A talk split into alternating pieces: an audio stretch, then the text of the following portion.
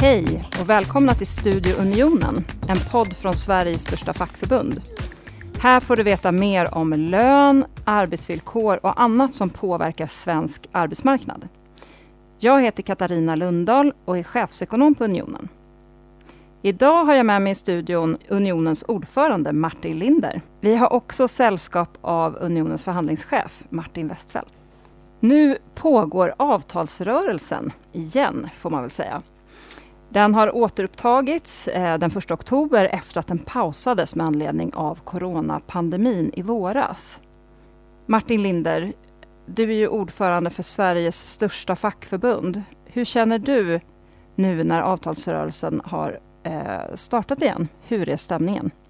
Nej, men stämningen när det är dags för skarpt läge i avtalsrörelsen är alltid eh, fokuserad. Eh, man är ganska taggad, eh, eller mycket taggad. Eh, och eh, det är ju på något sätt eh, det här som är eh, liksom det yttersta uppdraget vi har från medlemmarna att förhandla till eh, vettiga och bra kollektivavtal. Och eh, det gör att man alltid blir särskilt fokuserad och särskilt laddad och det är vi nu också. Martin Westfält, eh, vad händer rent konkret just nu när förhandlingarna har dragit igång igen? Ja, det som händer konkret är ju att förhandlingen fortsätter då där vi stannar den i mars när vi förlängde avtalen till den sista oktober. Och det är lite olika frågor på olika områden och det är ju en ganska strukturerad process med väldigt många förtroendevalda inblandade på olika sätt.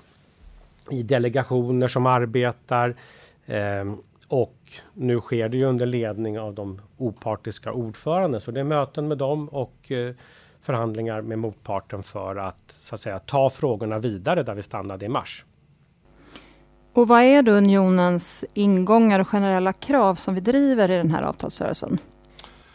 Ja, men våra övergripande ingångar i den avtalsrörelsen är ju ganska tydliga. Att vi eh, ska se till att teckna avtal som ger våra medlemmar mer pengar i plånboken eh, utifrån de lönekrav vi ställer eh, och det vi ska leverera där. Eh, sen har vi tydliga krav på eh, fortsatt utbyggnad och påfyllnad av våra flexpensionssystem. Eh, och sen har vi också formulerat krav som ska bidra till förbättrad jämställdhet och arbetsmiljö. Det är liksom våra stora ingångar i den här avtalsrörelsen. När det gäller just jämställdhet så driver ju Unionen något som kallas vab-tillägg. Vad är det och varför tycker vi att det är viktigt den här avtalsrörelsen? Men man kan ju backa tillbaka. Alltså den första frågan man måste ställa sig är det så, har vi en jämställd eller ojämställd arbetsmarknad? Och då är ju svaret från unionen, nej men vi har en eh, arbetsmarknad där det behövs förbättras, jämställdheten behöver förbättras på den. Eh, och I våra analyser så ser vi ju att det finns många olika saker som påverkar. Men en av de sakerna som påverkar allra mest är vad som händer när barnen kommer in i bilden. Eh, och vi ser att det är då som kvinnor generellt sett tar ett större ansvar för eh, olika aspekter av föräldraskapet. Bland annat eh, vård av sjukt barn, det så kallade vab. Eh, eh, och där tror vi verkligen att skulle vi kunna få Eh, på plats ett sånt här vab-tillägg som skulle innebära förbättrade ekonomiska möjligheter eh, när man eh, behöver vabba för sina sjuka barn. Barn blir alltid sjuka. Eh, och eh, då kommer det bidra dels till att de som vabbar får en bättre ekonomisk ersättning för det. Men vi tror också att det kan bidra i sin tur till ett jämnare uttag. Martin Westfeldt, utifrån ditt perspektiv, vad är våra generella krav i den här avtalsrörelsen? Ja, när det gäller löneökningar då så är vårt krav att lönerna ska höjas med 3% per år. Eller vi ställer ju våra krav från ett ettårigt avtal och då att lönerna ska höjas med 3 Och det var det kravet vi gick in i avtalsrörelsen och det är det kravet vi ligger kvar i. Martin Linder, det här med flexpension. Vad är det för något egentligen och varför tycker Unionen att det är så viktigt? Flexpension är ju en väldigt viktig fråga för Unionens medlemmar och vi som förbund har nu drivit i ett antal avtalsrörelser. Eh, och det har ju i grunden att göra med att vi eh, för att vi ska få långsiktigt hållbara och tillräckligt bra pensioner eh, så kommer vi ju behöva eh, i många avseenden jobba eh, längre. Eh, och eh, då har ju flexpensionen två delar i sig kan man säga. Det ena är att det faktiskt ger mer pengar till pensionen. Att vi ser till att stärka tjänstepensionen genom mer inbetalningar.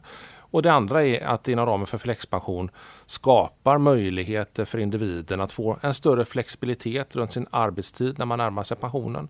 Att man kan gå ner i arbetstid och på det sättet orka jobba längre för att på det sättet stärka sin pension. Ja, och det här kravet då som, som Martin sa har vi ju drivit under en lång tid och det är ju viktigt med den här typen av reformer att vi har en uthållighet för det tar tid att bygga upp det här. Och det är också någonting där man samlar på sig pengar under ett hela arbetslivet. Så därför är det viktigt att vi håller i det och det är ett krav som vi driver också tillsammans med flera andra fackförbund. Det är så vi får styrka en sån här stor reform som flexpension innebär.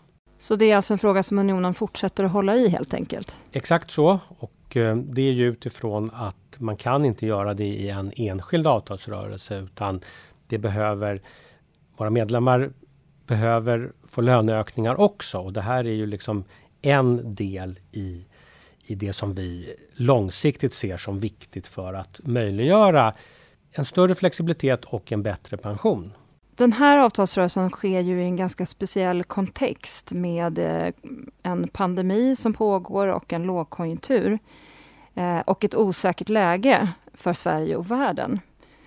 Hur ser ni att det påverkar avtalsrörelsen den här gången? Nej, men det är klart att det påverkar avtalsrörelsen eh, utifrån att eh, vi måste ju ta hänsyn till vad som händer i omvärlden och att det har hänt mycket dramatiska saker i omvärlden det här året eh, är ju uppenbart för alla. Samtidigt så tänker vi att det är väldigt viktigt när vi ska försöka förhandla löner. Eh, det är det också som industriavtalet bygger på mycket som vi förhandlar löner inom ramen för. Att eh, vi har ett långsiktigt perspektiv. Att vi ska inte så att säga försöka maxa till varje pris när det råkar gå väldigt bra i ekonomin. Eh, och vi ska inte ha så låga löneökningar som bara möjligt när det går dåligt. Utan vi tror väldigt mycket på att ha ett långsiktigt perspektiv och på det sättet Eh, får få så bra och stabila löneökningar över tid som möjligt för våra medlemmar. Så vi ska dels ta in allt stökigt som har hänt runt omkring oss eh, men samtidigt hålla fast i de liksom långsiktiga principer som vi tror på. Att det är de långsiktiga analyserna, de långsiktiga perspektiven som i grunden avgör vilka löneökningar som är rätt. Martin Westfeldt, eh, det här långsiktiga fokuset, hur upplever du att det resonerar med andra parter? Tänker alla som Unionen i det här avseendet? Vår utgångspunkt och som vi då har satt på pränt i industriavtalet är ju ett synsätt på att vi måste värna konkurrenskraften i de företag där våra medlemmar arbetar. Det är så vi kan få liksom långsiktigt god löneutveckling.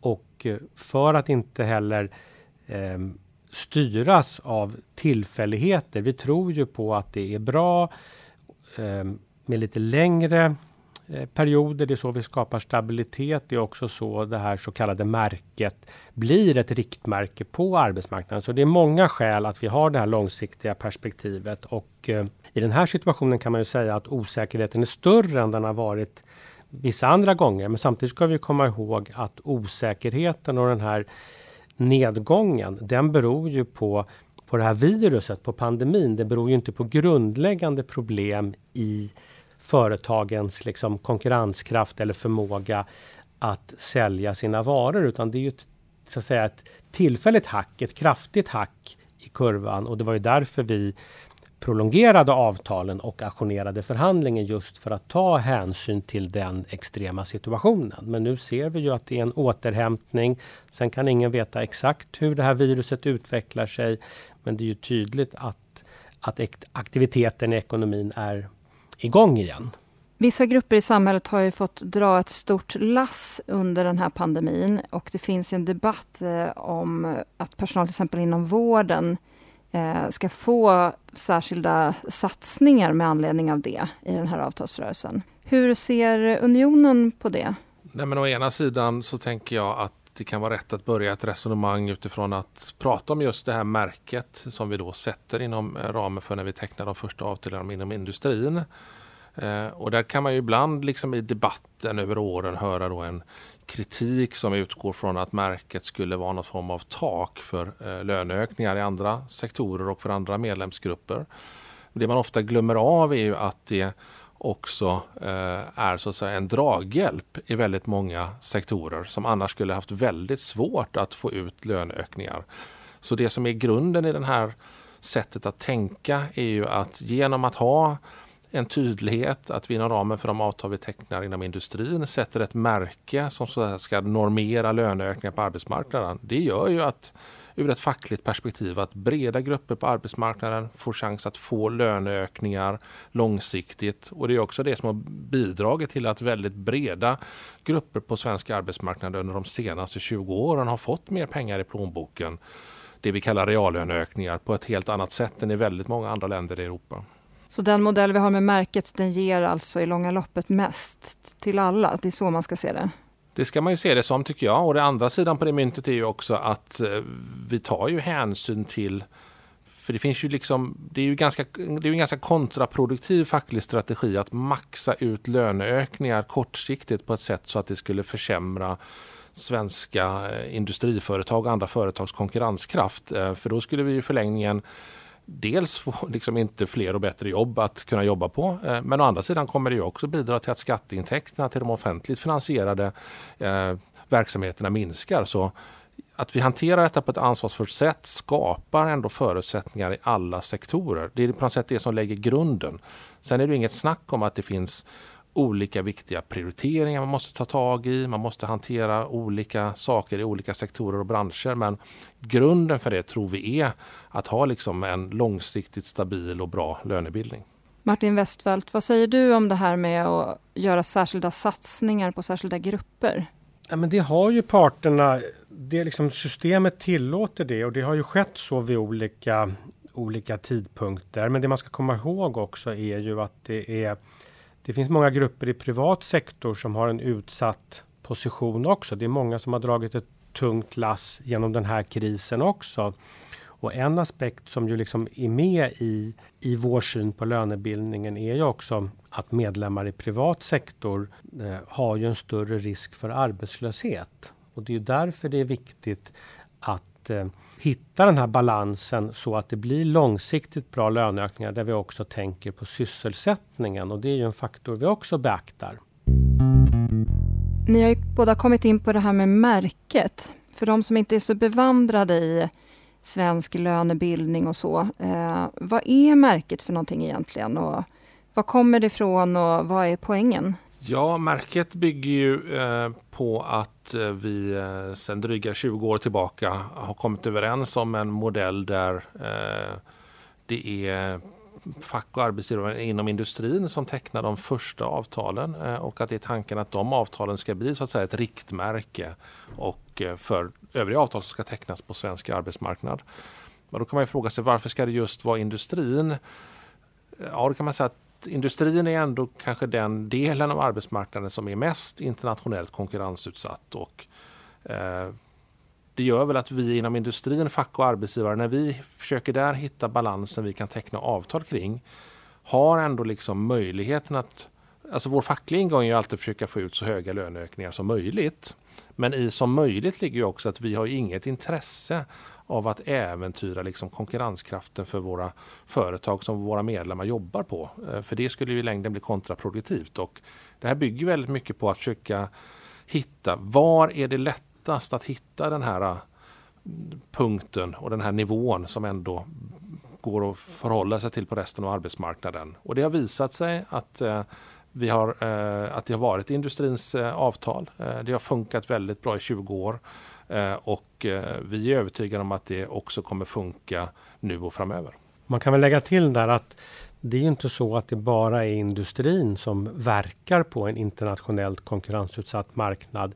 Men andra sektorer, till exempel IT, telekom, de är välkomna in och vara med och sätta märket. Men, men arbetsgivarparterna i de sektorerna har inte varit beredda att ha den kraften eller det modet att göra det. Och det, det beklagar vi.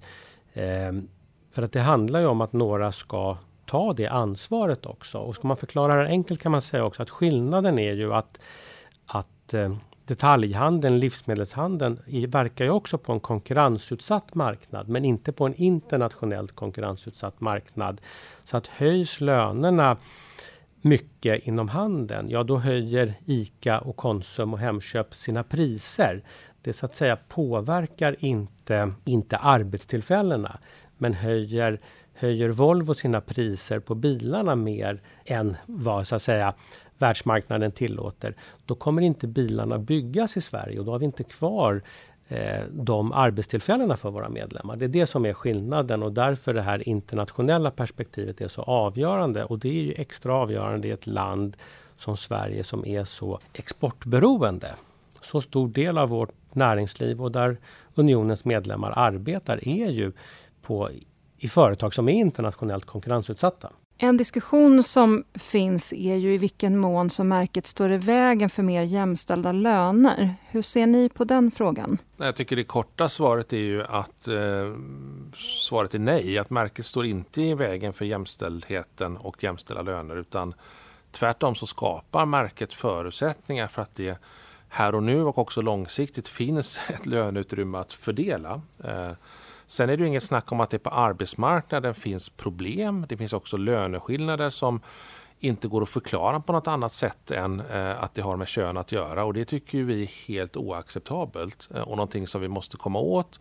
Och där driver vi ju också krav i vår avtalsrörelse kring vab-tillägget som vi tror är ett sätt att bidra till en förbättrad jämställdhet. Samtidigt kan man inte tro att allt, alla de utmaningar som finns kan lösas inom ramen för hur vi tecknar löneavtal. Utan eh, det finns ju mängder av saker man måste jobba med. Att fundera på varför söker sig kvinnor till vissa sektorer jämfört med män?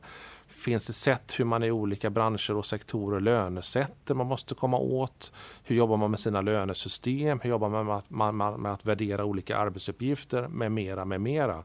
Men ibland kan det ju låta i diskussionen och debatten som att om vi bara tecknade löneavtal på ett annat sätt så skulle allt lösa sig. Och det där är ju en inte bara grovt felaktig utan också en grovt förenklad bild.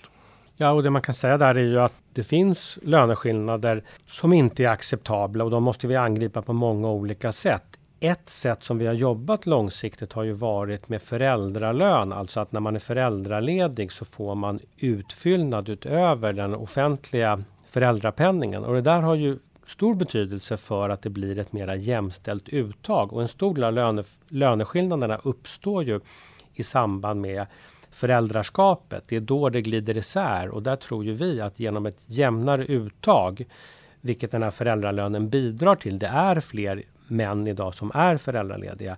Det kommer på sikt liksom påverka den här utvecklingen. Det är ju på samma utifrån samma idé som det här vab-tilläggskravet finns att om föräldrar uttaget då har blivit jämnare så är det ganska ojämlikt uttag av vab-dagar. Och det gör ju också att den som är borta oftare från jobbet kanske inte eh, hänger med och får utvecklas lika mycket i jobbet. Så det är ju ett sätt som vi jobbar. Men sen måste man använda många andra verktyg också. För det är klart att det är oacceptabelt att det finns löneskillnader som beror på kön och som inte kan förklaras av något annat. Om vi går tillbaka till årets avtalsrörelse så betyder den här pausningen av avtalsrörelsen i våras att också löneökningarna pausades.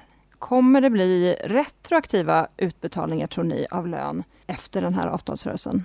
Det är en fråga som många ställer till oss och eh, utgångspunkten är ju att vi har kvar de kraven vi gick in i. Sen har vi förlängt och prolongerat avtalen, alltså förlängt dem. Och det för med sig vissa saker. Till exempel att vi inte kan gå i konflikt för krav på retroaktivitet. Men i förhandlingen har vi kvar kraven. Vi kommer kämpa för att löneökningar under hela den perioden vi förhandlar kring. Eh, men det kommer såklart vara en svår och stor fråga eftersom många företag också har befunnit sig i ett väldigt besvärligt läge under de här sju månaderna. Det kan vi inte blunda för. Det var ju därför vi förlängde avtalen för vi bedömde att, att det inte var möjligt att fortsätta avtalsrörelsen där i mitten på mars. Så det är en stor och svår fråga. Vi kommer göra vårt yttersta för att skapa en så, så bra utfall som möjligt. En annan fråga som eh, många nog funderar över det är hur långt avtalet kommer bli. Och där eh, förstår jag ju att ni inte sitter inne på svaret, men eh, vi kanske kan få höra lite hur ni tänker kring det. Vad tror ni? Ja, nej, men då är det så här att eh, om man säger längd och nivå brukar alltid vara det som blir klart sist i en förhandling. Det är en jättesvår fråga och eh, det är liksom krafter som verkar åt olika håll i den frågan. Ur ett, ur ett fackligt perspektiv så säljer ju vi arbetsfred och det är ju arbetsgivarna som köper arbetsfred den här balansen styrs ju av hur intresserade arbetsgivarna är att, att veta att det inte kommer bli konflikter under en längre period. Och historiskt har vi ju tecknat avtal många gånger på tre år. Men det har också förekommit ettåriga avtal. Det är faktiskt, eh, alla gånger jag har varit med så har det alltid varit en svår fråga som får mejslas fram utifrån när man har löst många andra frågor. Vi måste alltid från fackligt håll vara beredda att förhandla på nytt även om det bara skulle vara fem månader bort. Men det är inget självändamål att ha korta avtal.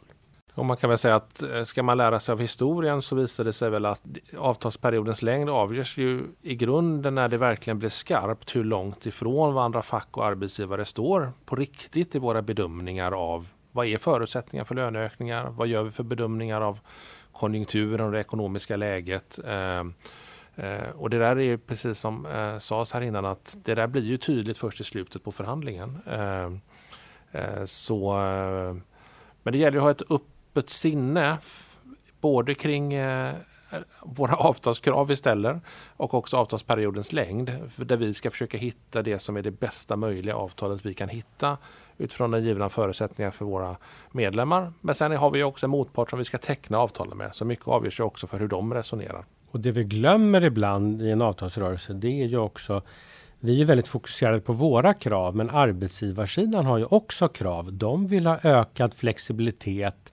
De vill ha ökade möjligheter att eh, anpassa personalens villkor utifrån saker som händer i produktionen. Så att det är ju liksom två sidor som går in och som ska mötas. Och sen så ska man också hitta, som Martin beskrev här, hur tror vi att förutsättningarna ser ut? För vi tecknar inte avtal utifrån hur det har varit utan vi tecknar avtal framåt i tiden. Och eh, ingen kan exakt förutspå hur framtiden blir. Och då kan vi konstatera denna gång att det är ganska stor osäkerhet framåt i ekonomin och det är en faktor som vi liksom måste ha med oss och som båda sidor har med sig in i slutet av den här förhandlingen. Nu är det ju lite drygt två veckor kvar här tills eh, avtalsrörelsen ska gå i mål. Vad händer här nu på slutet? Ni har varit inne lite på vad som tas upp precis i, i slutskedet, men kan ni säga någonting om processen som är kvar? Ja, processen i de här förhandlingarna är ju då att under den sista månaden, den så kallade OPO-månaden, då leds förhandlingarna av de här opartiska ordförandena. Och det är den månaden vi är i nu. Och eh, då försöker man kan man säga, sortera i frågor. Så att nu är det ett intensivt skede att på de olika avtalsområdena, de olika branscherna lösa sådana frågor som, som berör den enskilda branschen och som inte då berör löneökningstakten eller längden på avtalet. Så det försöker vi sortera ut, ett intensivt förhandlingsarbete kring det. I nästa etapp då så, så blir frågorna mer. Hur långt kan det bli? Vilken nivå? Hur, hur mycket avsättning till flexpension och så vidare i de liksom övergripande frågorna. Och eh, så småningom kommer det finnas ett förslag som bägge parter då måste ta ställning till. Det är så så processen ser ut. Jag kan också lägga till att inte minst inom ramen för förhandlingarna på industrins område så också de här sista veckorna så blir ju aktivitetsnivån i vårt samarbete mellan de andra fackförbunden eh, med de andra fackförbunden inom facken med industrin allt mer intensivt där vi i princip träffas och eh, har kontakt med varandra löpande. Och eh, det är ju ett samarbete mellan de fem fackförbunden och facken inom industrin som har en lång historia, en bra historia och som vi värderar väldigt högt. För vi vet ju det att om vi, om vi kan hålla ihop eh, förbunden emellan eh, där det ingår både förbund från LO, från Saco eh, och eh, tillsammans med oss Unionen så vet vi ju att vår styrka blir mycket starkare. Så det är också de här sista veckorna i avtalsrörelsen ett väldigt intensivt samarbete med de andra fackförbunden. De branscher som inte hör till industrin, eh, när förhandlar vi om dem, så att säga, om saker som inte har med lön att göra? Ja, där förhandlar ju de områdena eh, omedelbart efter och sen så följer det, eftersom det är så många avtalsområden, så följer ju det man kan inte göra allt på en gång så att eh, det kommer pågå under november, december, kanske några in i januari. Så att det är en ganska lång resa, en avtalsrörelse för unionen. Och det är också en aspekt när vi ska sätta det här så kallade märket att det är ju viktigt för unionen som ett brett och stort förbund att det vi kommer fram till inom industrin är förankrat och att det finns uppslutning på de andra områdena. Så att det är ett sådant stort arbete internt också där övriga förtroendevalda på andra områden också behöver veta hur vi resonerar, hur vi tänker så att man tillsammans kan bära det här. För vi har ju en stark styrka, både samarbetet med de fem fackförbunden inom facken inom industrin, men också på bredden styrka när vi drar åt samma håll i hela unionen. Och det är ju flexpensionen ett väldigt bra exempel på hur vi har lyckats driva igenom den så att det är väl 99, 8 av medlemmarna som har den viktiga förmånen. Våra förtroendevalda är ju självklart väldigt viktiga i en avtalsrörelse. Har ni några särskilda medskick till våra förtroendevalda ute på arbetsplatserna nu de här sista veckorna? Vi är ju ett förbund, Unionen, som nu är inne i en avtalsrörelse och förhandlar om löner. Eh, och eh, det är väldigt viktigt att inse att vare sig de krav vi formulerar som vi går in med i avtalsrörelsen eller hur vi bedriver avtalsrörelsen är ju inte primärt vad som händer i förhandlingsrummen i Stockholm utan det är ju att vi har en bred förankring att de krav vi driver är de som kommer från medlemmarna och är på riktigt viktiga. Eh, våran styrka i avtalsrörelsen avgörs i slutändan kring hur Eh, viktigt medlemmarna och hur engagerade medlemmarna är i de frågor vi driver. Eh, och sen när vi väl har tecknat avtal så är det hur väl vi så att säga, både kan förklara men också tillämpa de nya avtal vi har tecknat. Och här har ju du som lyssnar på det här och som är förtroendevald verkligen en nyckelroll i att se till att vara den här länken mellan vad vi gemensamt i förbundet har beslutat och hela tiden föra en diskussion med medlemmar runt detta. Och jag tänker också att man kan se det som ett väldigt bra tillfälle just att det är ett extra bra tillfälle att också ha igång den här dialogen med medlemmarna eh, om vilka frågor vi driver, hur det går i förhandlingarna eh, och se till att vi är på hugget för att både vara motiverade och skapa styrka men också förhoppningsvis att vi har ett avtal, se till att vi förstår vad det nya avtalet innebär och se till att det på riktigt får den effekten ute på arbetsplatserna. Eh, och det kan ju inte skötas uppifrån mötesrum i Stockholm utan där är ju de förtroendevalda i länken med medlemmarna helt avgörande.